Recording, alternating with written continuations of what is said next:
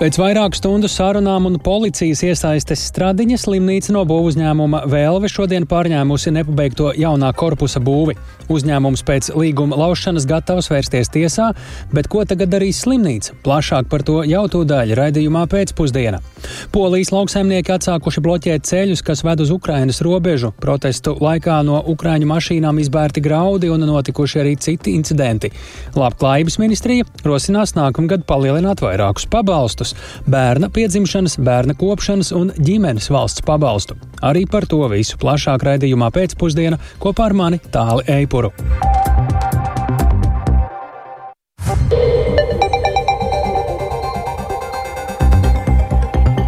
Pūkstens rāda 16,5 minūtes, skan pēcpusdienas ziņu programma, skaidrojot šodienas svarīgus notikumus. Studijā Tālis Eipurs. Labdien!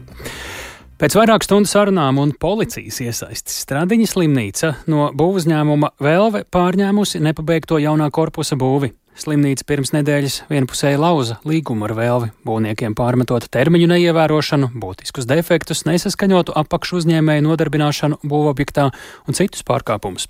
Savukārt šodien, īsi pēc būvobjekta nodošanas piespiedu kārtā, būvfirmas vēlve pārstāvi norādīja, ka būvnieki fiziski no objekta izvākšoties nedēļas laikā, bet uzņēmums pēc līguma laušanas ir gatavs vērsties tiesā. Turpina Sintija Ambote. Atcerieties, malā vienkārši vārdus vērš vaļā. Pauļas Stradiņa Kliniskās universitātes slimnīcas pārstāvi kopš agra rīta centās pārņemt nepabeigto jauno A2 korpusu no būvkompānijas Velve, kur objektā nelaida projekta pasūtītāju. Pie būvobjekta vārtiem pulcējās arī būvnieki, kā arī šīm sarunām līdzi sekoja policijas darbinieki, lai nodrošinātu sabiedrisko kārtību. Pēc ilgstošām diskusijām un policijas klātbūtnes spiediena slimnīcas pārstāvi tomēr tika ielaisti jaunbūvas teritorijā. Rezultātā tāpat kā līguma laušana, arī būvlaukuma pārņemšana notikusi vienpusēji no slimnīcas baznīcas puses.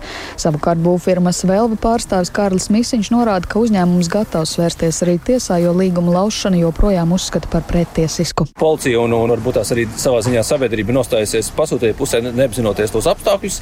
Un, nu, jā, pasūtītājs ir pārņēmis objektu, viņš patiecīgi par to atbild. Tad mēs tālāk ar pasūtītāju jau risināsim, kādā veidā mēs saņemsim samaksu par izdarītiem darbiem. Jo nu, tas, kā tas šobrīd notiek, jā, ir tiešām 90. gadi. Mēs vēlamies, lai pasūtītājs samaksā mūsu apakšuzņēmēju, mūsu piegādātāju, mūsu sadarbības partneriem par viņu veikto darbu. Cik lielas summas? Summas ir iesniegts mums ir vairāk kā 10 miljoni. Tas ir tas viss apjoms, kas ir objektam jau ir piegādāts. Ir arī daudz līgumu par medicīnas tehnoloģijām, kas jau tiek ražotas. Un, Viennozīmīgi mēs negribam radīt situāciju, kad apakšuzņēmēji pasūtī patvaļas dēļ tiek sodīti. Līdz ar to mēs ar viņiem kopā cīnīsimies. Stradiņas slimnīcas pārstāvis Zvērnāts advokāts Beno Butulis norāda, ka kopīgi ar būvniekiem šodien vēl tiek apsekots jaunais korpus, lai novērtētu paveiktos darbus un arī fiksētu visu tur esošo būvnieku mantu.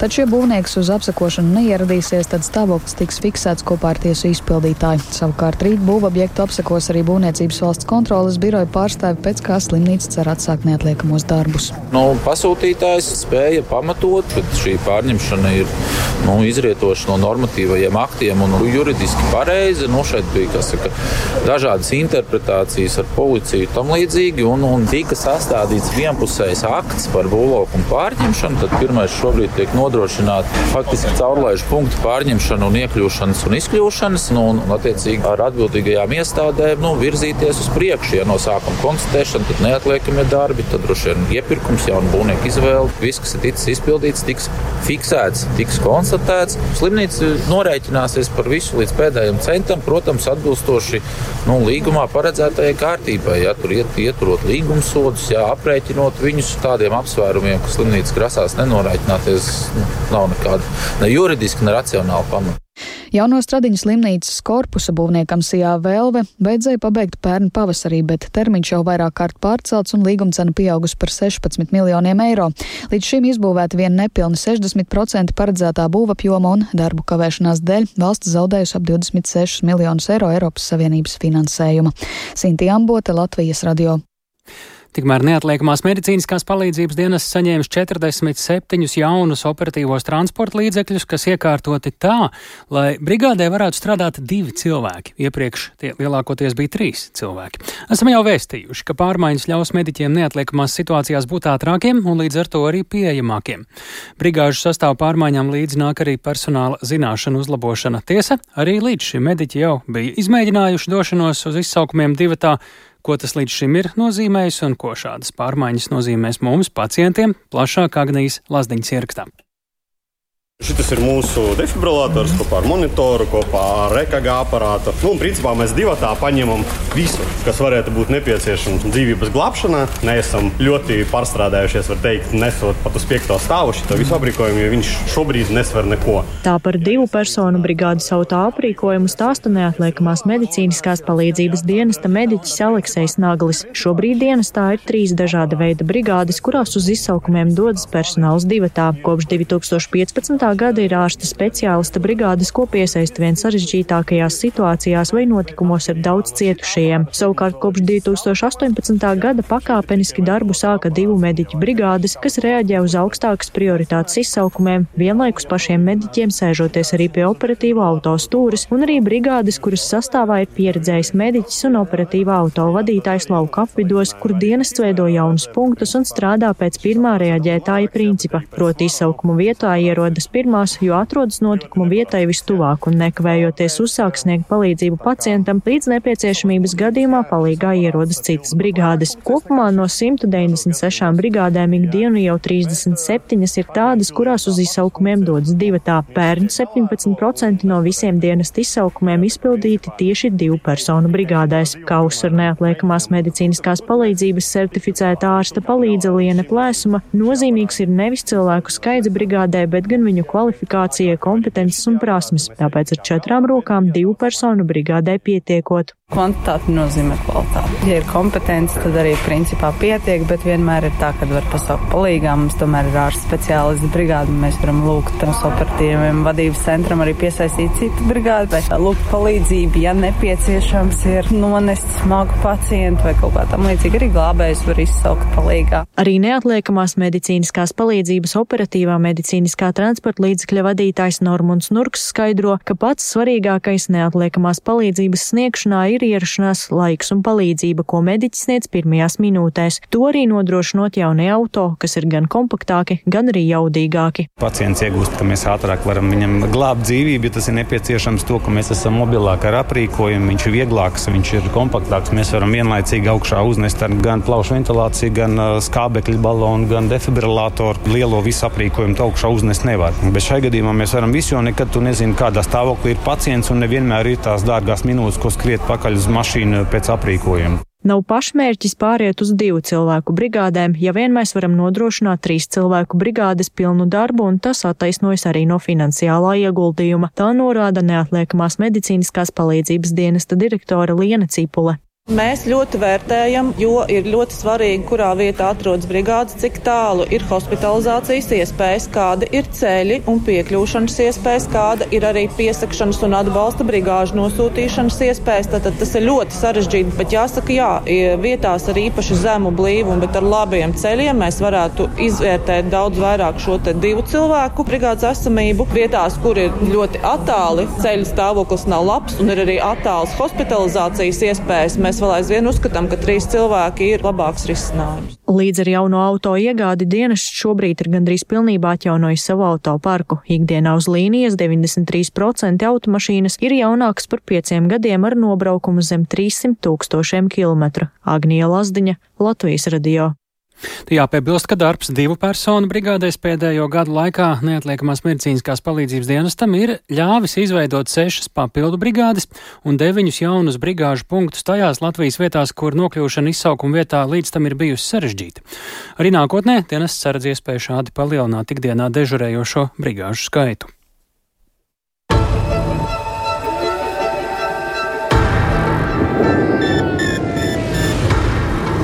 Ukrainai ir jāuzvar, un ar Ukraiņas uzvaru divi gadi kopš Krievijas pilna mēroga iebrukuma Ukrainā. Jā, Tad divi gadi apritēs 24. februārī, un tūdaļ vairāk stāsti, kas šobrīd svarīgi.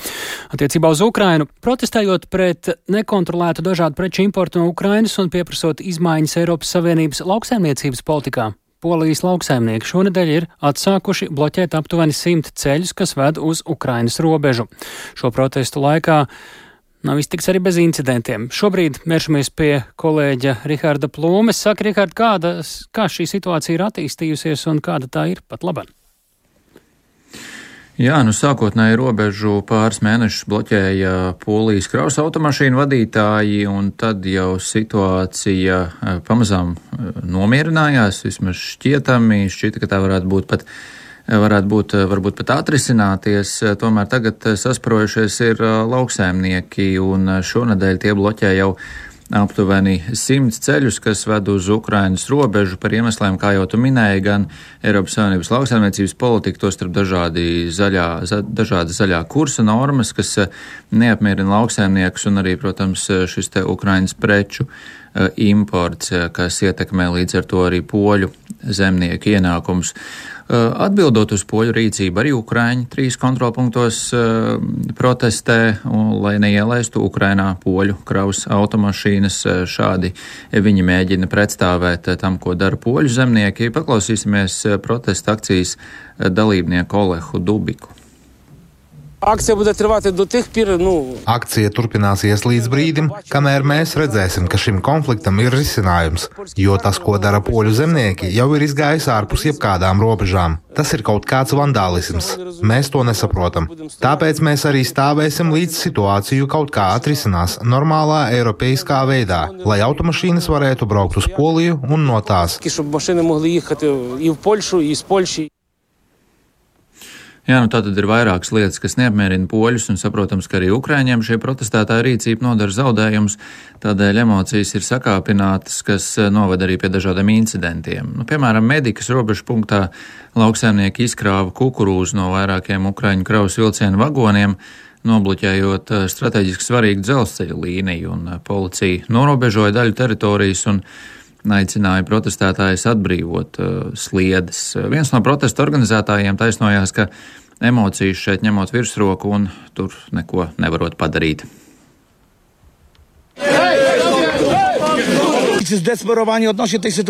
Tā ir reakcija uz graudu pieplūdumu no Ukrainas. Tas ir ļoti slikti. Cilvēki ir izmisuši un nespēj sevi kontrolēt. Neviens to nekontrolē, ne polijas varas iestādes, ne Ukrainas. Tās visas ir emocijas. Mēs cilvēkus neietekmējam, viņi to neiztur un izber. Mēs esam bankrotējuši, jo viss no Ukrainas ienākošais netiek kontrolēts. Jā, nu tāpat kārtējo reizi poļi no divām Ukrāņu kraus automašīnām izgāza arī uz brauktuves graudus. Tas gan ir noticis jau iepriekš un arī ir izsaucis sašutumu uh, Ukrāņos tāli. Jā, Rihard, uh, es cik sekoju līdz ziņām, tad viens no šiem incidentiem ir izpelnījies arī īpašu uzmanību un turpat uh, izskan, ka tāda pieļāvuma, ka varētu būt iesaistīta arī Krievija. Jā, plašu uzmanību izpelnījās incidents Polijas eh, dienvidos, kur lauksaimnieki izkāra pie traktora plakātu ar uzrakstu Putins sakārto Ukrainu, Briseli un mūsu valdību, un uz traktora bija redzams arī Padomju Savienības karoks. Un uh, fotografijas nav pārsteigums ar šo plakātu plaši izplatījās sociālajos medijos un izsauca sašutumu un dusmas no Ukrāņiem, un arī polijas policija plakātu mm, savākusi un sākusi arī kriminālu izmeklēšanu. Eh, par šī plakāta eh, izkāršanu un reaģēja arī Polijas aizsardzības ministrs Tomašs Semaņaks, nodēvējot to par provokāciju, un arī Polijas ārlietu ministrija ir šodien nosodījusi šādus saukļus un norādīja, ka to varētu būt ietekmējusi Krievija. Skaidrs, ka situācija ir, ir izdevīga Krievijai, tādēļ nebūtu pārsteigums, ja mēs šo protestu laikā redzētu kādas provokācijas. Nu, sociālajos tīklos cilvēki jau cenšas atkost Krievijas atbalstītājus protestētāju vidū. Redzēju arī, ka ir atrasts kāds um, it kā poļu zemnieks Petrs Panasjuks, kas piedalās protestos un um, internetā gan tikmēr paralēli publicē Krievijas propagandas stāstījumus un aicina izbēgt jebkādu atbalstu Ukrainai. Tā kā, protams, dažādas provokācijas šo protestu laikā nav izslēgtas, un Einu sazina, kurš varbūt ir arī kāds uh, Krievijas aģents tāli. Paldies Rihardam Plūmēm tik tālu par poļu un ukraiņu protestiem attiecībā uz ukraiņu preču importu Eiropas Savienībā, bet eh, līdz ar Krievijas iebrukumu Ukrainā Latvijā aktīvi veidojās dažādas brīvprātīgo grupas, kas gan palīdzēja ukraiņu ģimenēm nokļūt drošībā, gan arī regulāri uz Ukrainu veida dažādas palīdzības kravas. Viena no tādām grupām veidoja arī lauksaimnieki Normunds un Klaida Kalniņi. Arī pēc diviem gadiem ģimene turpina atbalstīt Ukrainu un secina, ka ilgstoši sniedzot palīdzību, nostiprinās arī pārliecība, ka katrai lietai, kuru kāds sarūpē, patiešām ir liela vai reizēm pat izšķiroša nozīme tur Ukrainā. Plašāk Sintīs Ambotas ierakstā. Droši vien ir cilvēku grupa, kas nevar bez tā, Jā. ka vajag darīt un palīdzēt. Un tie arī darbojās. Bet tā cilvēcība vienmēr nāk blakus visiem tiem braucieniem, vienmēr, un tas dod spēku un tādu iedvesmu darboties. Jau. Sējas pagastu lauksaimnieku ģimene Normunds un Klaida Kalniņa kopš kara sākuma aktīvi organizē dažādus palīdzības sūtījumus Ukrainas iedzīvotājiem un armijai. Tostarp no Latvijas turp transportētas jau vairāk nekā simti dažādas ziedotās automašīnas, kuras karavīri var izmantot darbam frontē. Atskatoties, liekas, tad, tas sākuma posms bija tāds, nu, kad asins visiem vārījās un, un uz urā, un mēs tagad visiem parādīsim, ātri, ātri visu šito nobeigsim, viss ātri beigsies. Jā. Tad tas vilnis tā kā iet lejā mazliet gāja, un tad jau tā kā bija sajūta, ka ir pieredums. Un, bet šobrīd jau ir, nu, tiksim, man personīgi tiešām sajūta, ka nu, tas karš mēs visi jā, piedalāmies visu laiku, tikai nu, mums tā fronte dikti tālu. Mēs esam saistīti. Mēs esam tik ļoti saistīti, ka nu, mēs vienkārši karojam, bet citādākā veidā. Nu, kaut vai to katru sīkumu, nu, tas, tas emocionālais, nu, tiešām ir sajūta, ka katra tā svece varbūt kādam ir ļoti izšķiroša, vai gaļas koncerts, vai kas tas tur ir. Un cerība, ka viņš nonāks tur, kur viņam jānonāk. Klaida un Normunds atzīst, ka pagājušajā gadā te jau nav sanācis darboties saimniecībā, un šogad viņi vairāk atgriezušies arī savā ikdienā. Taču laiku pa laikam dodas uz Ukrainu un runājot par atbalstītāju aktivitāti, secina, ka izveidojusies stabila tuvējo zemnieku, kaimiņu un citu aktīvistu kopiena, kuriem tā kļuvusi par dzīves sastāvdaļu. Nu, cilvēki pārdomāja, pārskatīja savu saimniecību un ko atrada to pirmajā gadā atdeva. Tagad vairāk vai mazāk tie, kas nu, pirmkārt grib un otrkārt var regulāri kaut kā piedalīties.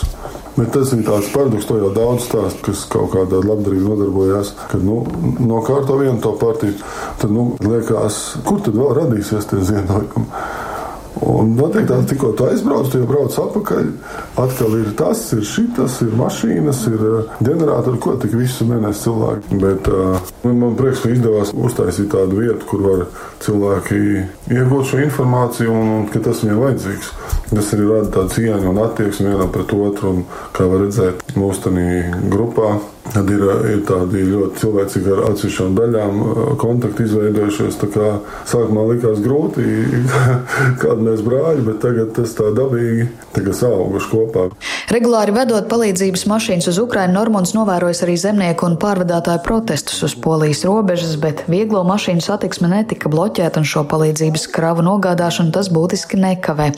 Eiropas lauksaimnieku protestu prasības ietver arī pārprodukcijas risku novēršanu, ko rada ar muitu neapstrādāšanu neapliekamais pārtiks imports no Ukrainas. Klaida un Normons pamatā saimnieko piena sektorā un atzīst, ka pat laba netrūkst izaicinājumu nozarē, īpaši birokrātijas dēļ. Tāpēc Latvijas zemnieku protestu viņi atbalsta. Savukārt Ukrainas klātbūtni tirgu uzskata par pašsaprotamu nākotni.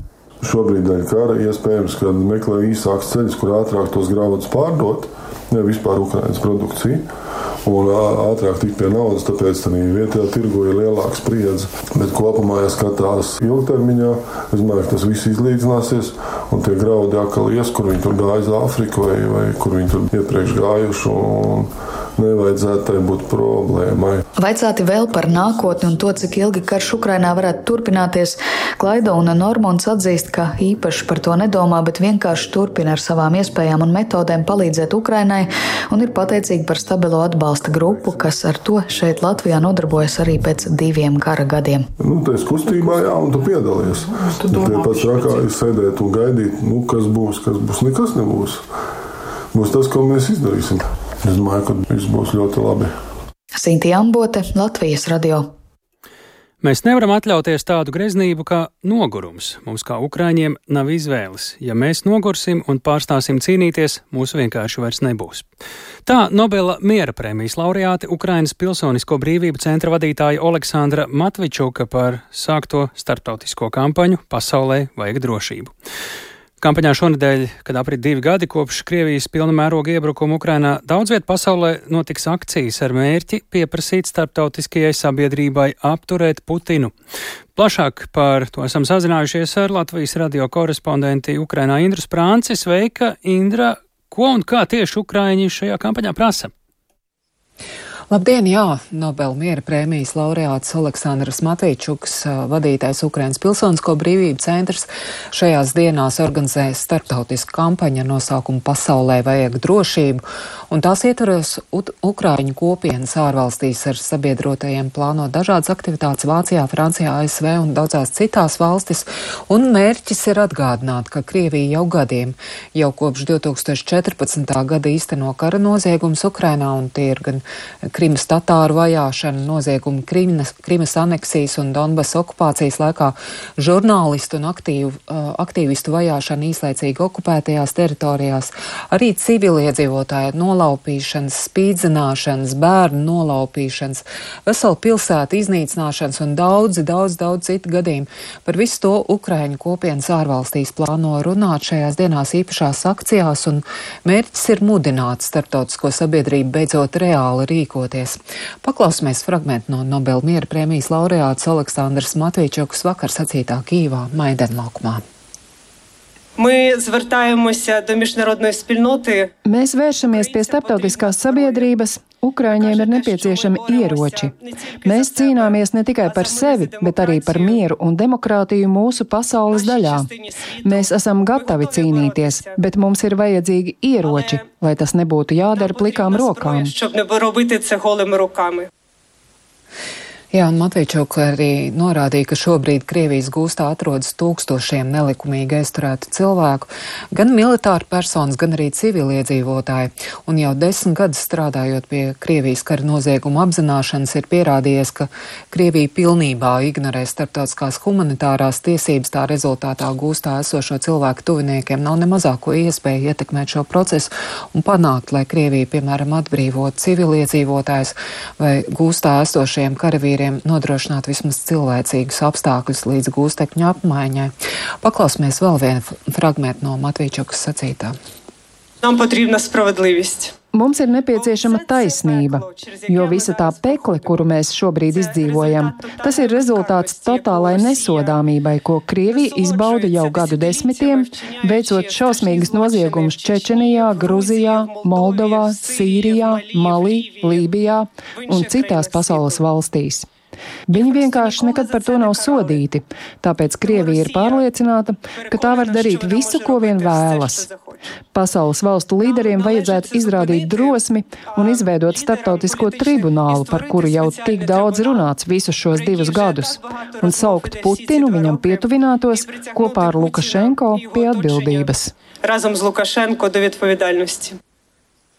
Jā, nu, šīs nevalstiskās organizācijas pārstāvi nav zaudējuši cerības, ka šāds tribunāls varētu tikt izveidots, lai arī patiešām um, par to tiek runāts jau ļoti ilgi, bet reāli process ir iestrēdzis un atgādināšu, ka arī Latvija aktīvi iestājas par tādu tribunālu izveidu un visādi diplomātiski cenšas atbalstīt Ukraiņus šajā ceļā. Bet process nav vienkārši, tā kā Krievijas ietekme um, starptautiskās organizācijās arī ir ļoti liela.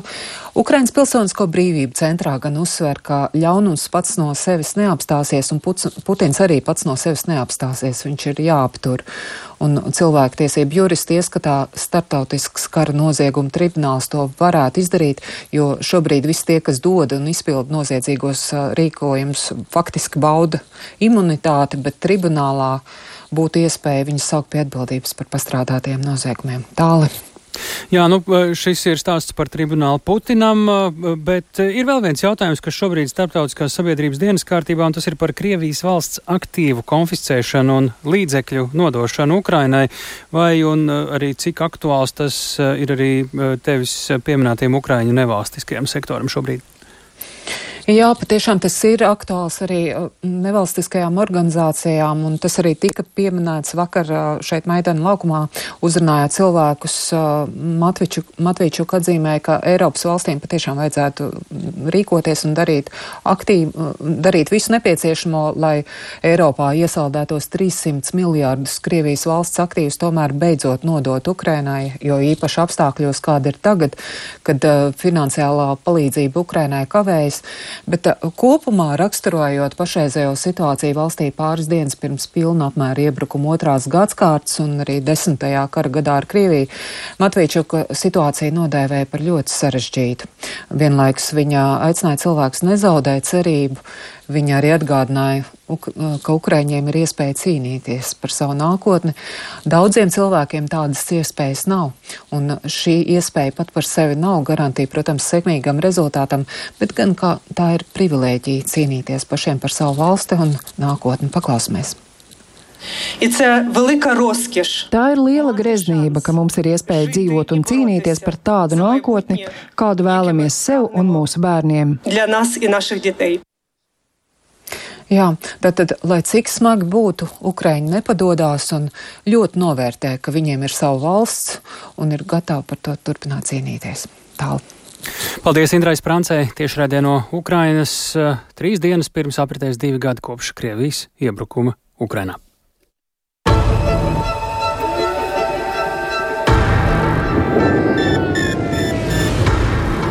Ukrainai ir jāuzvar, un ar Ukraiņas uzvaru divi gadi kopš Krievijas pilna mēroga iebrukuma Ukrainā. Atgriežamies pie stāstiem Latvijā. Labklājības ministrija rosinās nākamgad palielināt bērna piedzimšanas pabalstu, ģimenes valsts pabalstu un bērna kopšanas pabalstu. Vai pabalstu izmaiņas nākamgad tiešām izdosies realizēt, tā kā ministrija rosina, pagaidām gan nav prognozējams. Vienlaikus ministrija mudina domāt, kā ļaut jaunajām māmiņām strādāt bērnu kopšanas atvaļinājuma laikā un kā veicināt alimentu nomaksu. Vairāk Jāņa Kīņš ierakstā. Pārskatīt sen nemainītos bērnu piedzimšanas un ģimenes pabalstus iedzīvotāji aicināja kolektīvajās iniciatīvās. Labklājības ministrija saimnes uzdevumā reaģējusi sagatavojot izmaiņas vairāku pabalstu aprēķinos, un tos aizstāvēs apspriedēs par nākamā gada valsts budžetu. Bērnu kopšanas pabalstu pašlaik var saņemt pusotru vai divus gadus, un vidējais pabalsts ir 132 eiro. Ministrija to piedāvā no nākamā gada noteikti uz pusotru gadu un summu celt līdz 377 eiro. No 421 līdz 730 eiro rosināts celt bērnu piedzimšanas vienreizējo pabalstu. Tāpat varētu pieaugt ģimenes valsts pabalsts, kā arī aizbildņa pabalsts, atlīdzība auģu ģimenēm, kā arī atlīdzība par bērnu adopciju un adoptējumā bērnu aprūpi. Lēšamās izmaiņu izmaksas līdz 150 miljoniem eiro. Demogrāfijas jautājumu blokā pabalstu palielināšana ir tikai viens no elementiem, norāda Labklājības ministrijas parlamentārais sekretārs Reinis Uzulnieks. Svarīgi, protams, ir bērnam nodrošināt pirmskolas izglītību, mājokļa jautājumus, veselību, dažādas atvieglojumus. Mums noteikti tēva loma ģimenē jāstiprina. Tas plāns, kāds uz priekšu ir plānots, iesaistīt visas 14 ministrijas. Pabalsti ir tikai viens no mehānismiem, kā uzlabot attiecīgi iespējams demogrāfiju.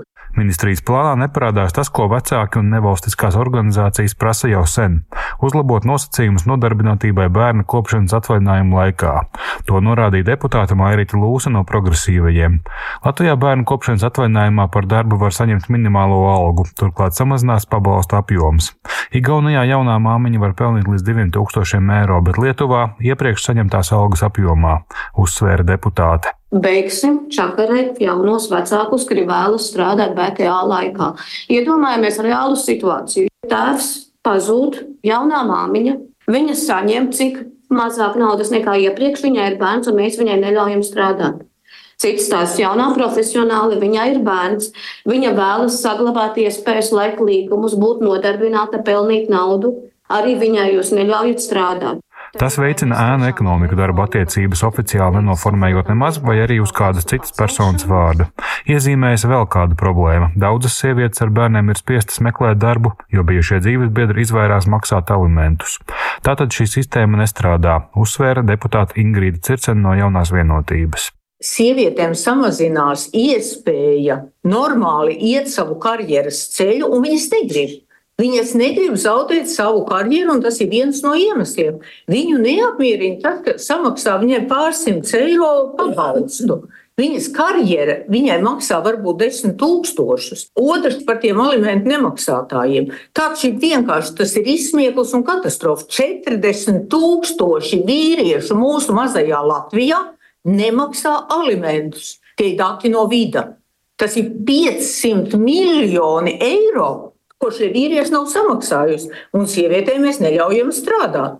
Finanšu ministrija pabalstu palielināšanas plānus vēl nav vērtējusi. Tas notiks martā, kad ar nozaru ministrijām sāksies pārunas par nākamā gada budžetu. Iespējas nākamajā gadā paaugstināt pabalstus pašlaik vēl par agru vērtēt, jo nav zināms, kā līdz gada beigām pildīsies nodokļu ieņēmumi. Tāpat inflācija sarūk straujāk nekā plānots. Iespējamās izmaiņas pabalstu sistēmā Finanšu ministrijas parlamentārā sekretāra Karina Ploka komentēja šādi. Varbūt labklājības ministrijai ir jādomā par to, ka mums nav vajadzīgi tik saskaldīti pabalstu sistēmu. Mums ir vienreizējais bērnu piedzimšanas pabalsts, tad mums ir vecāku pabalsts, tad ir bērnu kopšanas pabalsts, kas dalās divās daļās, tad ir ģimenes valsts pabalsts, tad ir arī neapliekamais minimums, uz ko es gribu vērst uzmanību, kas arī strādājošiem vecākiem pienākās.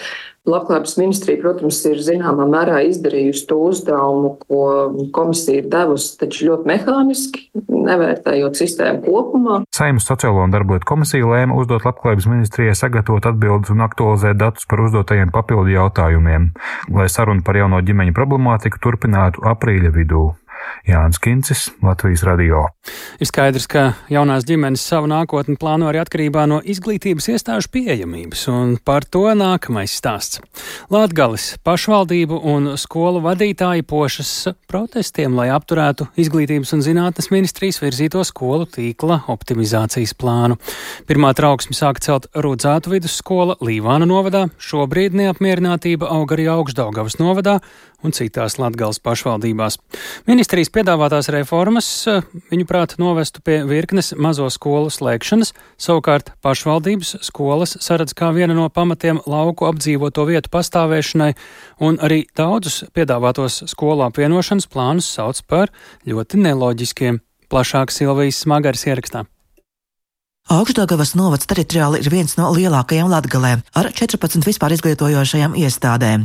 Pirms dažiem gadiem to bija gandrīz uz pusi vairāk, atzīst Augstdagavas novada domas izpildirektors Pēteris Dzelbe. Augstdagavas novadā pēdējos gados ir aizvērtas vismaz 11 skolas, apvienojot un taisot reformu. Brīžiem ir tas moments, kad bērnam pusotru stundu jābrauc līdz skolai. Primāri būtu jāpadomā par to bērnu, par to vecāku, kurš to bērnu sūta uz skolu. Nevis vienkārši par Excel tabulu un vienkārši sazīmētu geogrāfisko karti pa taisnām līnijām. Brīžiem ir tā, ka, ja skolu aiztaisa, tad pavisam nav ceļa, pa kuru vest. Te kā piemēra Pēteris Zalbamin ministrijas projektu par augšdāgavas novada divos dažādos Dāgavas krastos esošu skolu apvienošanu. Atbildīgie speciālisti, kuri atbrauca un savienoja Salienas vidusskolu ar Naujienes pamatskolu, saskaitot bērnus kopā, neieraudzīja, ka Daugavai nav tilta. Tuvākais tilts Salienas vidusskolai ir Krāslavā uz Krāslavas vidusskolu vai gimnāziju, vai otrs ir tuvākais Daugopilī uz Daugopils vidusskolu, vai tātad caur Daugopili ir jāizbrauc uz Sventes vidusskolu. Par tikpat neloģisku Augstdagavas novada pašvaldībā uzskata arī iecerēto spoģu vidusskolas likvidēšanu. Ja ministrija uzskata, ka spoģu vidusskola nav saglabājama, tāpēc ka tur obligāti jābūt kritērijs 60, tad tuvākā Augstdagovas novada vidusskola ir Svente. Ir jāizbrauc no Ambeļiem cauri Daugopilī līdz Daugopilī 50 km, un tad vēl līdz Sventē jāizbrauc 15. Tad kur tas kritērijs 25 km līdz vidusskolai? Un ja mums piedāvā tādu reformu, mēs viņu nevaram pieņemt. Protams, pašvaldības var pašas finansēt šo skolu uzturēšanu, kurās trūks skolēnu, taču tas ir dārgs pasākums, atzīst Augstdāgavas novada domas priekšsēdētāja pirmais vietnieks Aivars Reščevskis no Dāngāpils novada partijas. Reformu nevajag sasteigt, viņa notiks pakāpeniski, dabiski, bet uzspiežot kaut kādus kritērijus, arī daudzas skolas ir pret. Paskatīsimies, kā notiks vēl tagad sarunas vai atkal būs tikai kārtējais keksītis tam visam, un pēc tam pateiks, ka sarunas ir notikušas.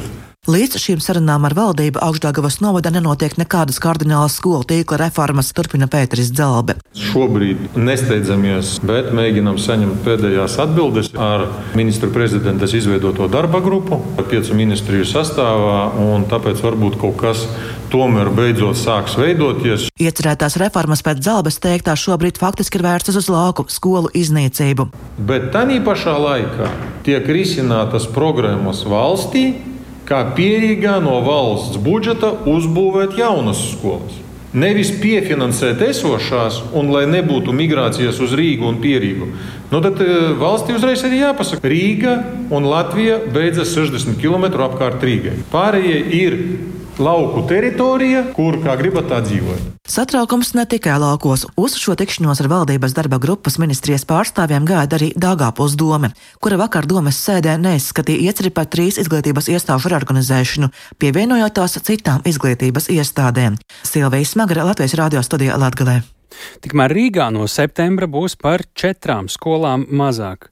Tā šobrīd vēsta jaunākā informācija, bet par to arī ir nolēmusi Galvaspilsētas doma un nobalsojusi arī par viena bērnu dārza slēgšanu. Pašvaldībai tas ļauj ietaupīt miljoniem eiro, tā lēš pilsētas īpašuma komitejas vadītājs precīzu ietaupījumu summu gan nenosaucot.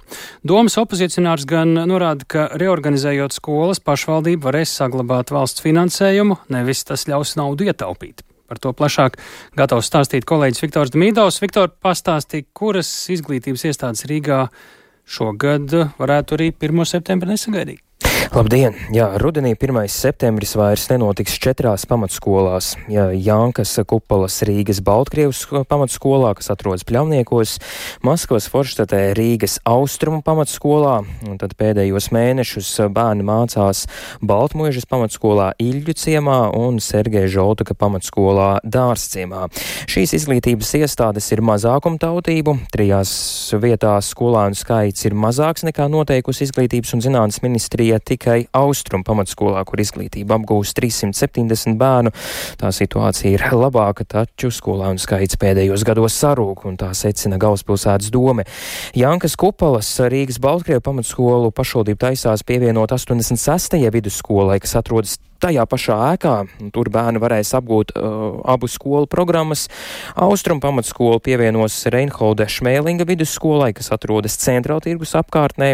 Domē informē, ka rudenī mācības notiks divās ēkās, un tad mācību gada laikā notiks izmaiņas, un, un, un tad vienā vietā mācīsies pamatskola otrā vidusskola, tātad centrāla tirgus apkārtnē. Baltmojuša pamatskola pievieno Siļģu ciema vidusskolai un arī līdzīgi kā iepriekš minētajās iestādēs mācības notiks divās vietās un arī divas izglītības programmas būs. Savukārt leģendārā Latvijas izlases hokeista vārdā nosauktā Sergeja Žoltega pamatskolu pievienos 93. vidusskolai, kas atrodas aptuveni pusotru kilometru attālumā. Arī šajā gadījumā mācības notiks divās ēkās un vēl jāatzīmē, ka Rīgā likvidēs uh, pirmskolas izglītības iestādes Saules puķe, mm, kas atrodas Maskavas ielā, un tad to pievienos Rīgas Daugavas pamatskolai. Uh, un uh, par tiem iegūmiem tad plašāk stāsta Rīgas pilsētas īpašuma komitejas vadītājs Dainis Locis no Nacionālās apvienības Latvijas reģiona apvienības kopīgā saraksta. Apvienojot skolas, vairāk ir bērnu, līdz ar to mēs atbilstam vairāk kritērijiem, lai varētu attīstīt šo kvalitatīvo izglītību, iegūt aizdevumus no valsts vai fondu līdzekļus, kas paredzēti ir attīstībai. Piemēram, arī Žaltokas skolas stāsta gadījumā mēs varētu cerēt uz energoefektivitātes programmu un būtībā atjaunot arī gan tur stadionu, sporta laukums un vispārējo. Tā kā tas ir tas iegūms, kas noteikti šeit parādās. Un tās aplēses ir kaut kāds, cik tā skaitliskā summa? Tas ir ļoti grūti, jo tas ir atkarībā, nu, cik mēs varēsim pretendēt, kāds ir līdzfinansējums finansējums. Es tagad jums tā precīzi nu, ne, nu, riskēju. Jā, nu te ir runa, protams, par miljoniem. Jā, rezultātā jau skaidrs, vienas skolas renovācijā tur jāiegulda ir vairāk miljoni, ja mēs nu, nopietni vēlamies viņu renovēt. Tālāk pilsētas īpašuma komitejas vadītājs Dāņas Locis. Nu, un šādās reizēs vienmēr ir svarīgi arī paskatīties, ko saka opozīcija, un svarīgi arī kādus argumentus uh, lieto uh, atbalstot vai neatbalstot uh, šo priekšlikumu. Nu, 47 deputāti nobalsoja par, bet 4 bija pret, 3 no tiem Latvijas Krievu savienība un 4. Jakovs Pliners ir neatkarīgais deputāts, bet atturējās saskaņas frakcijas viens no līderiem, Konstants Konstantīns Čekūšins, uzskatot, ka nu, tas nav tas labākais risinājums. Un tad lūdzu klausāmies viņa teikto. Tā ir vienkāršota matemātika, lai saglabātu to finansējumu. Tas nepalīdzēs izglītībai, nepasliktinās, jo bērnu skaits būs tāds pats, skolotāji būs tie paši, un ēkas būs arī tādas pašas. Līdz ar to lēmums ne par ko faktiski, tikai lai saglabātu valsts finansējumu. Izglītības ministri izstrādāja kritērijus, un ja mēs nevaram tos ievērot, tad mēs automātiski vienkārši pazaudētu to finansējumu. Nu, vēl deputāti arī uzdeva jautājumu, vai saglabāsies Sergeja Žotoka skolas vārds, un uh, tad um, politiķi apņemas, ka iespējams varētu pārsaukt blakus esošās skolas, hokeja skolas nosaukumu. Lūk, tāds stāsts. Paldies Viktoram Demidovam. Mēs uh, sakām paldies redzējumu pēcpusdienu klausītājiem. To veidojām mēs tāls Epurs, Ilzā Ginta, arī Ulds Grībergs un Katrīna Bramberga. Līdz rītam! Yeah.